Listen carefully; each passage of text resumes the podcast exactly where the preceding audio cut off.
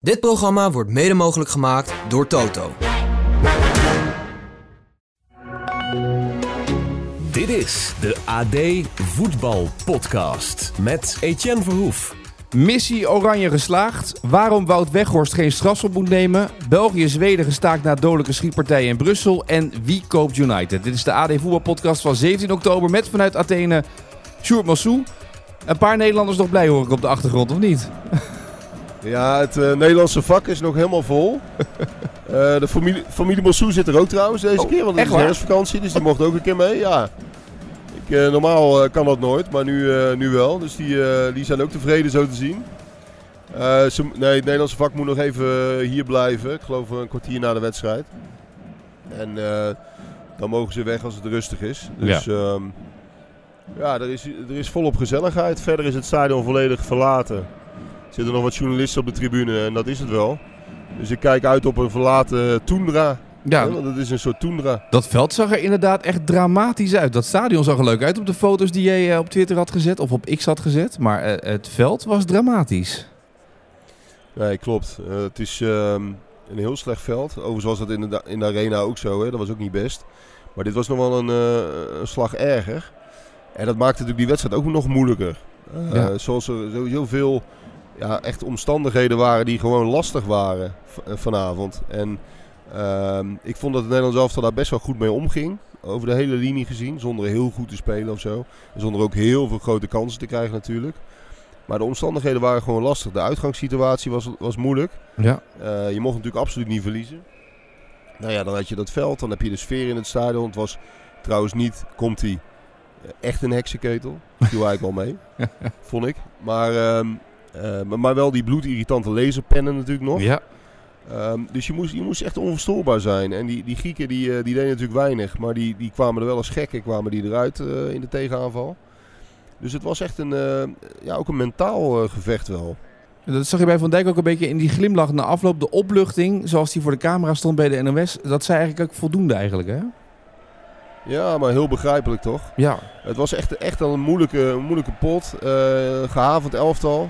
Hè, je, hebt, je hebt weinig individuele kwaliteit die je dan er doorheen kan slepen. Hè. Als, je, als je Gakpo hebt of je, of je hebt eh, Memphis Depay.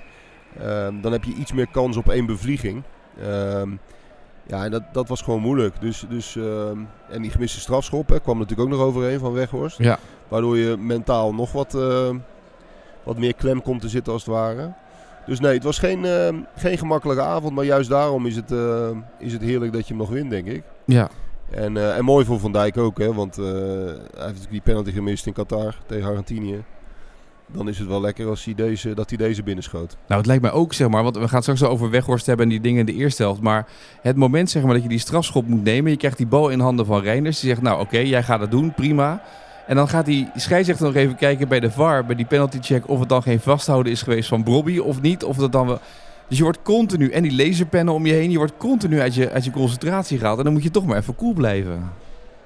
Ja, ik, ik snapte wel dat hij even dat vingertje achter het oor deed eh, toen hij hem binnenschoot. hoor. Dat snapte ik ook wel, ja. Ja, die, le die laserpennen zijn, zijn zo... Ja, die, die, dat zou, daar zouden ze echt zware boetes op moeten zetten op, eh, op het gebruik van die dingen. Omdat het, het heeft ook zo direct invloed op het spel. Eh, bij ieder doodspelmoment gebeurde dat. Hè? Ook bij Ja. corners, bij iedere vrije trap die een beetje de 16 ingegooid kon worden. Eh, ja, heel, eh, heel ergelijk. Maar goed, ehm, uiteindelijk een superbelangrijke overwinning. En, eh, en ook wel heel erg verdiend. Ja, missie geslaagd dus. Al was het inderdaad wat je zei, het was een wedstrijd zonder heel veel kansen. Het was niet een buitengewoon goede wedstrijd, toch? Nee, maar dat, dat vond ik gezien de omstandigheden vond ik dat eigenlijk wel begrijpelijk. En ik vond niet dat, dat eh, Oranje heel veel te verwijten viel in de manier waarop ze voetbalden. Ze waren natuurlijk in een hele fase, ik denk dat ze in, in 70, 80 procent van de wedstrijd dominant zijn geweest. Eh speelden ook, ook echt wel geconcentreerd. Ehm, je moest heel geduldig zijn. Eh, je mocht weinig, ja, je mocht natuurlijk helemaal geen fouten maken. Je zag even in dat eerste kwartier dat, dat Geertruida zich even verslik- verslikte. Ja. En eigenlijk ook wel ontsnapte aan een tweede gele kaart. Toen hij die bal wegschoot, was een beetje een gek moment. Daar zag je volgens mij ook wel een beetje spanning aan af. Ja.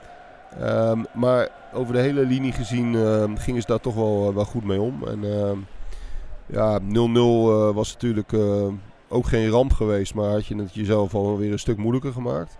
Want dan kun je geen fouten meer eh, permitteren. En nu, ja, nu mag het echt geen probleem meer zijn tegen Ierland thuis en Gibraltar uit. dat moet gewoon lukken. En ja, Koeman, ik heb hem nog niet gehoord, maar hij zal tevreden zijn. Overigens nog even een disclaimer. We zijn net na de wedstrijd. Ja. We hebben net drie versies doorgestuurd van een krantartikel. Hoeft niemand medelijden mee te hebben. maar zo gaat dat. Hè, om half elf moet het stuk door en toen stond het nog 0-0. Ja. Nou, vervolgens wordt het natuurlijk e- komt die penalty. Moet je minutenlang wachten of die er wel of niet in gaat. Tw- eh, versie 2 en vervolgens versie 3. Dus ik, ik heb niet... Ik heb laatst eh, in, die, in, die, eh, in die thuiswedstrijd tegen Frankrijk...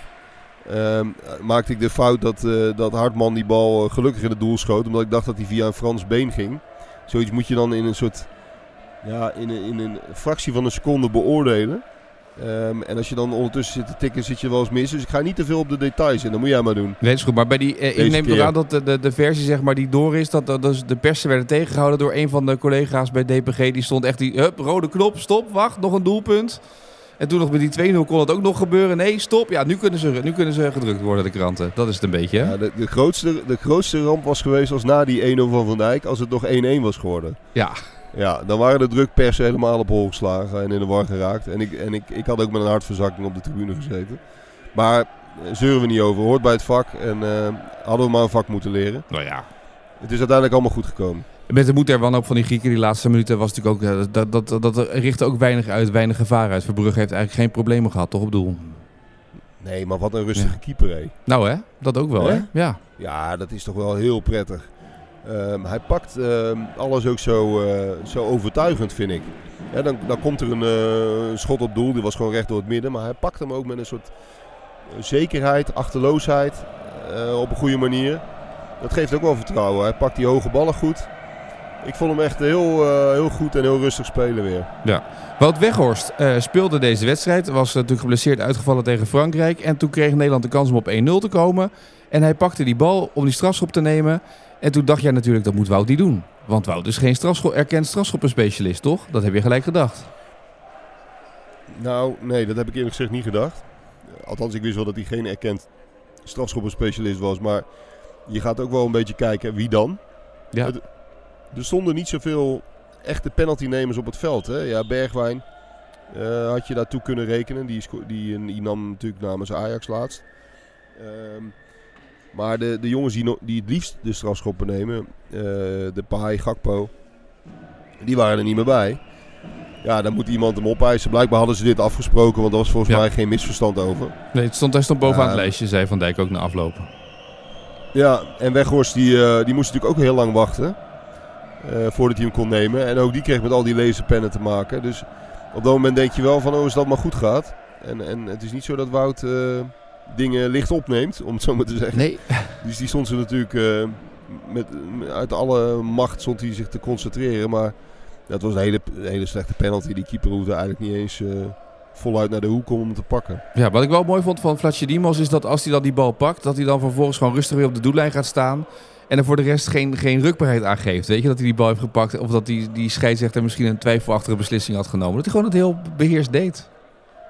Ja, hè? Ja. Eh, Het was maar goed dat die, eh, dat die scheidsrechter geen Google Translate bij zich had. Want als hij dat had eh, vertaald, dan, dan was hij waarschijnlijk het veld afgegaan. Want die riep volgens mij het ene scheldwoord naar het andere in het Grieks. Dat idee had ik ook inderdaad, ja. Had jij trouwens het idee dat, dat in Griekenland ook de regel geldt dat als je een bekertje bier het veld opgooit, dat een wedstrijd gestaakt wordt? Of niet? Is dat geen regel in Griekenland? Nee. Kennen ze niet, het protocol. Ik heb dat nog even nagevraagd. Hier bij de, bij de plaatselijke autoriteiten. En nee, dat, dat doen ze niet aan. Je mag hier gewoon eh, bieren op het veld gooien. Ja, dat bleek ook wel toen Van Dijk die, die pingel erin schoot. Die kreeg daar een, een bierdouche over Ja. zich heen, niet normaal hè? Ja, en, en daar vroeg hij natuurlijk ook een beetje om. Ja. Ehm, want hij liep daar wel heel bewust langs. En nogmaals, eh, zeker door die laserpennen kon ik me daar wel iets bij voorstellen. Hij deed overigens niet heel gek, maar hij liep er wel eh pontificaal voorlangs. We hebben deze interlands nu gehad. Eh, een, een, een elftal aan afwezigen bij Oranje natuurlijk. Eh, op voorhand, er was veel discussie over hoe nu verder. Er zijn er nog dingen opgevallen dat je zegt... nou, daar kan Koeman wel op voortborduren richting dat EK... waar we dan natuurlijk naartoe gaan in Duitsland de komende zomer.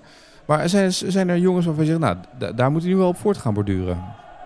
Nou ja, Tidjani Reinders was natuurlijk ehm, in twee wedstrijden goed.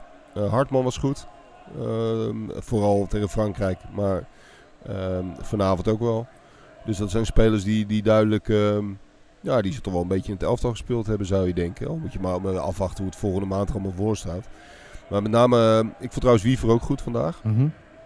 Ehm, de, de kalmte waarmee die jongen speelt, hè, dat is ook wel mooi om te zien. Hè. Ook, juist als je dan in het stadion zit, ik weet niet hoe dat op tv overkomt, maar ehm, die, die spanning is in zo'n stadion nog meer voelbaar. En de druk ook, hè, van de tribunes, het kabaal, eh, ja, de, de, de zenuwslopende fase van een wedstrijd. En dan speelt hij af en toe zo achterloos een balletje er even tussendoor. Hè. Ja. Maakt hem helemaal niet uit.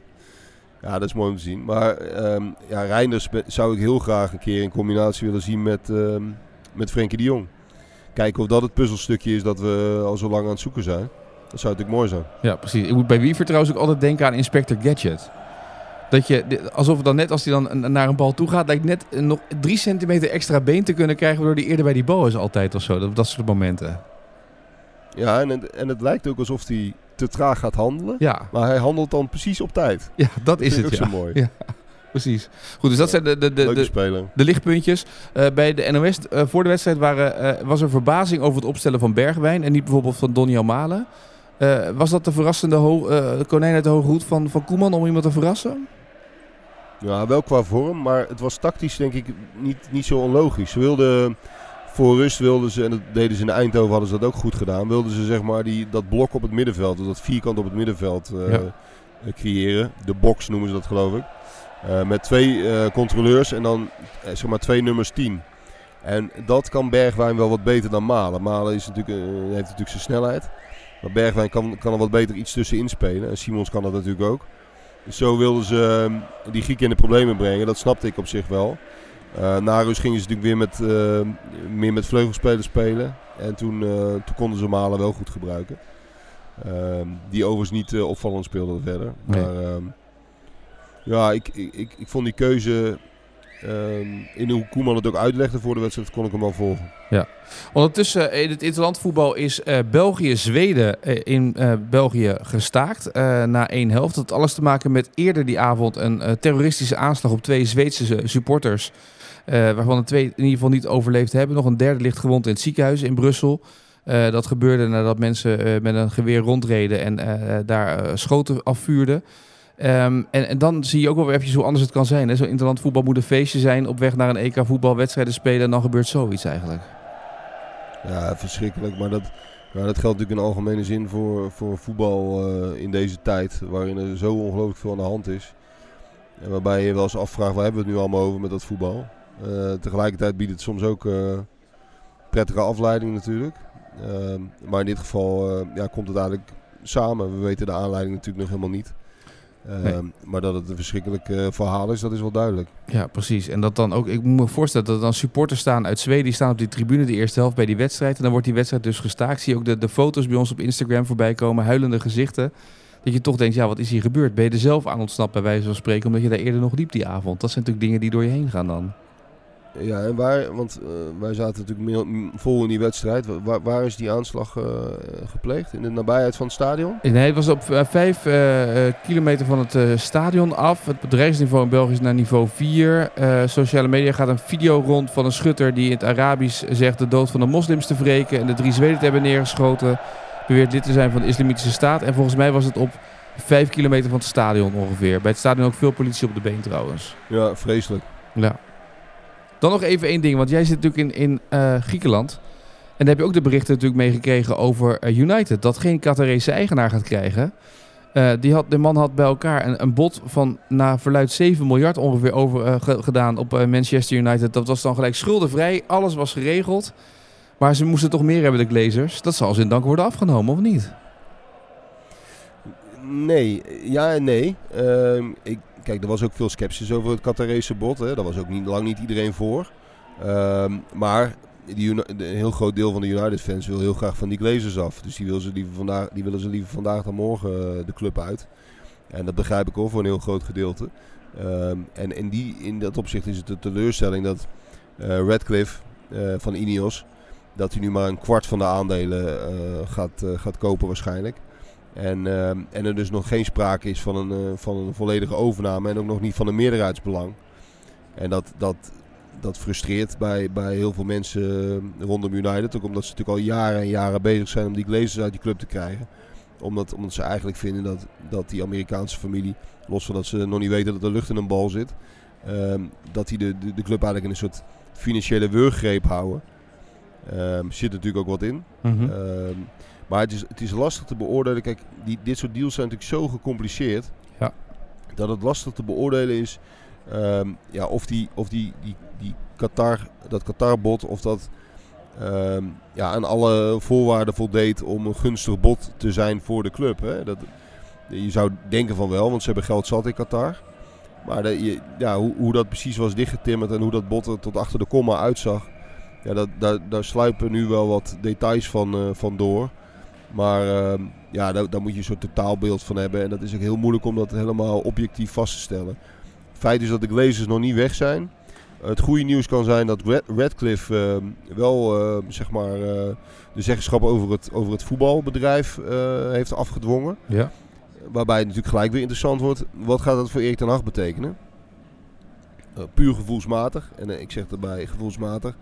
Een beetje gebaseerd ook wel, wel wat ik eerder had gehoord. Eh, van mensen die het kunnen weten. Is dat eh, Radcliffe een gunstiger uitkomst is voor Ten Hag dan eh, de Qatarezen. Bij de Qatarezen heerst heel erg het gevoel van ja... Dat kan tot, tot enorme ehm, ehm, omwentelingen leiden. Hè? Niet alleen financieel, maar ook qua beleid. Voor hetzelfde geld toveren ze opeens een heel andere trainer uit hun binnenzak.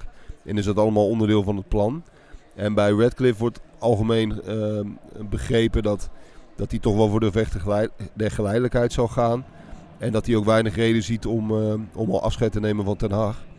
Dus dat, ehm, ja, voor wat het waard is hoor. Want v- voor je het weet eh, is het volgende week weer anders. Maar dat was een beetje de inschatting op voorhand. Dat het voor Ten Hag het beste zou zijn als, als Radcliffe aan zou blijven. Of Ja. eh, het zou worden, sorry. Ja, want toch heb ik steeds altijd gedacht dat die Redcliffe de hele club ook zou willen overnemen. Maar 25% dat is nog maar een minderheidsbelang natuurlijk. Op, op termijn zou het een meerderheidsaandeel moeten worden, is het verhaal. Maar het is toch niet gelijk Ja, dat je, dat je van de Glazers af bent dan? Nee, precies. Maar dat, dat gaat, gaan ze waarschijnlijk wel gefaseerd doen. Hè? Mhm. Eh, dat is althans wel, wel de bedoeling van, eh van Radcliffe en Ineos om gefaseerd toe te groeien naar een meerderheidsbelang. Alleen ja, dat, dat- bij, de, bij de supporters, en dat snap ik ook wel, leidt dat tot sceptisch. Want die denken van ja, nou zijn ze nog steeds niet weg. Nou hebben, we nog, zijn ze nog steeds, eh, hebben ze nog steeds het roer in handen. Ja, het is even afwachten hoe dat verder gaat. Maar het is in ieder geval ehm, voor eh, zeg maar de club en voor, voor Ten Hag ook, is het wel prettig dat er nu enige duidelijkheid is. Want het was natuurlijk zo lang vaag wat er zou gaan gebeuren. Het had ook nog gekund dat er helemaal niks zou gebeuren. En eh, met Radcliffe heb je waarschijnlijk wel ook snelle duidelijkheid over bijvoorbeeld het voetbalbudget in de winter en het voetbalbudget in de eh, volgende zomer. Ehm, kijk, dat was natuurlijk afgelopen winter ook zo'n frustrerend iets. Dat, ehm, eh, dat ze niks konden. Want de Glazers trapten toen opeens op de rem. Ja. Zonder dat dat helemaal duidelijk werd waarom dat was. En toen mochten ze natuurlijk geen enkele speler meer, eh, meer kopen, alleen nog maar huren. Nou ja, dat soort impasses zullen er nu niet zo snel meer zijn, verwacht ik. Nee, dus, dus het kan zijn dat Ten Hag eh, in ieder geval in de, in de winter nog iets van versterking erbij zou kunnen gaan halen. eh, om, om dat elftal te verbeteren. Ja, je zou denken, waar is het voor nodig? Want hij heeft al geld genoeg uitgegeven. Is natuurlijk ook zo. Al hebben ze, daar hebben we ook al vaak over gehad, hebben ze natuurlijk veel en veel te veel, en veel, te veel betaald voor, eh, voor heel veel spelers. Maar ehm, ze hebben heel veel geld uitgegeven, dat is een feit. Tegelijkertijd is bij United, en, en zeker ook bij Ten Hag, maar ook, ook in, de, in de, de laag daarboven, wel heel erg het besef dat je echt wel een, een flink aantal transferperiodes no- nodig hebt om het hele elftal of de hele selectie eigenlijk eh, ja, weer echt topclubwaardig te maken. Het is echt een, een, eh, een pro- project dat in fases eh, eh, wordt gezien, wordt beschouwd en, eh, en dat ook gewoon tijd nodig zal hebben. Ja. Alleen ja, de vraag is natuurlijk altijd, zo realistisch moet je zijn, of je die tijd krijgt. Als hij eh, straks weer drie keer op rij verliest, ja, dan weet je niet hoe het gaat. ja, want uiteindelijk blijft United gewoon een topclub waar mensen snel eh, klaar met je kunnen zijn. Hè? Eh, ja. Zoals Nou, Arsenal bijvoorbeeld wat zo? langer. Nou, Arsenal heeft Arteta wel de tijd gegeven, ook als het minder ging in fases. Ja, zeker. Arsenal wel. Nou, nou is United ook niet een club die, die echt de traditie heeft van snelle ontslagen. Hè. Dat Nee. is een- heel uitzonderlijk eh, hebben ze dat wel eens gedaan. Met uh, Solskjaer onder andere natuurlijk. Maar ze laten de meeste trainers wel, eh, wel wat langer zitten. Dus eh, nou ja, voor wat het waard is. Want nogmaals, ehm, Het hoeft maar een paar keer tegen te zitten. En de Manchester Derby komt eraan hè, eind deze maand. Ja. Dat wordt natuurlijk ook wel een, interessante. En dan gaan we het, eh, dan gaan we het meemaken. Ja, overigens, eh, gisteren hadden we een hele rustgevende podcast. Want Maarten zat aan eh, de kust. Aan het, eh, je had het zeewater erbij. Dus veel mensen hadden op Twitter ook het verhaal. Ja, dat is bijna zen-meditatie was dit. En nu hebben we dat, dat supporters, eh, die supporters op de achtergrond gehad, eh, de halve podcast. Dus dat is toch weer even anders wakker worden voor de mensen. Hè? Dat is toch eh, een klein verschilletje. Maar goed, tot slot van deze podcast, Sjoerd, gaan we wel naar de vraag van vandaag. De vraag van vandaag. En die vraag was gisteren van mij. En die vraag ging over de, de bondscoach van Griekenland, Payet. De vraag is eigenlijk, waar heeft hij als clubtrainer zijn debuut gemaakt? Bij welke club was dat? Ja, ehm, dat was in Engeland toch? Ja, hij was de eerste assistent. Maar de vraag was, waar is hij uiteindelijk hoofdtrainer eh, als eerste geworden? Even denken hoor. Eh, ik moet het weten. Eh, dat was een modale club, een middelmatige club. Ja, tegenwoordig een voorbeeldclub, hè? Ja, eh, oh ja, tuurlijk. Nee, ja, nee, je helpt me. Brighton. Ja, precies. Brighton, ja. Ja. Dat was de eerste club. Een paar jaar gezeten. En toen eh, was het eh, daarmee eh, eh, klaar. Toen ging hij door naar de volgende clubs. Eh, veel mensen hadden het trouwens Ja, wel goed. Was wel mooi. Even nog het eh, rijtje opnoemen. Terwijl ik jou even de gelegenheid geef om nog na te denken over de vraag eh, voor morgen in de AD Voetbalpodcast. Want de mensen die het onder andere goed wisten te benoemen... eh, was Nico Bus wist het en ook Lau wist het. En ook via Instagram kreeg ik een aantal berichten binnen van mensen die dit zeker wisten. Maar dit waren de eervolle vermeldingen voor deze dag. Nu jij. Ja, la- laten we alvast een beetje naar het komend weekend gaan, eh, Etienne. Het is eh, Utrecht-Ajax natuurlijk, de degradatiekraker, Ja. komende zondag. En eh, de- deze wedstrijd heeft een rijke historie, maar een van de meest speciale wedstrijden tussen Utrecht en Ajax werd gespeeld in 2011. En dat werd 6-4. Kun je die nog herinneren? Ja, de krankzinnige wedstrijd werd hij genoemd ook, hè? Ja, dat, dat, dat was een onafvolgbare pot. En een van de mooiste, denk ik, voor de fans van Utrecht. Ehm, maar mijn vraag is, het werd natuurlijk 6-4. Wie stond er op doel bij Ajax? Welke keeper kreeg er zes doelpunten om zijn oren in de Galgenwaard die, eh, die dag? Eh, mooi, dat is een mooie vraag. Mocht je het weten, laat het even weten via X met de hashtag AD Voetbalpodcast. Of stuur via Instagram mee een eh, bericht en dan eh, ding je mee naar de eervolle vermelding. Wie was die doelman bij Ajax? Bij die legendarische 6-4. Eh, overigens, Sjoerd, heb jij nu alweer het woord degradatiekraker even tussendoor laten vallen? Eh, want ja, we zijn nu een paar wedstrijden onderweg. Dus volgens de wetten van Wijfels weten we nu ongeveer wel dat het een degradatiekraker is, toch? Gelijk. Ja, ik, ik hou daar toch rekening mee. Ja. Het, het is wel eh, het is een wedstrijd tussen twee teams waarvan je niet meteen het vermoeden hebt dat ze in de top gaan meedraaien op dit moment. Denk je dat Maurice Stijn eh, de hele tijd met een glimlach het gezicht op de bank gaat zitten bij Utrecht Ajax, wat, het, wat de stand ook is? Omdat die, eh die psychologen van, eh, van Almere dat, eh, dat wil. Ja, dat, dat hij toch dat? iets meer moet uitstralen om te winnen. Dat, dat, dat, dat, moet, dat hij niet met de hand voor het gezicht moet zitten en zo, hè?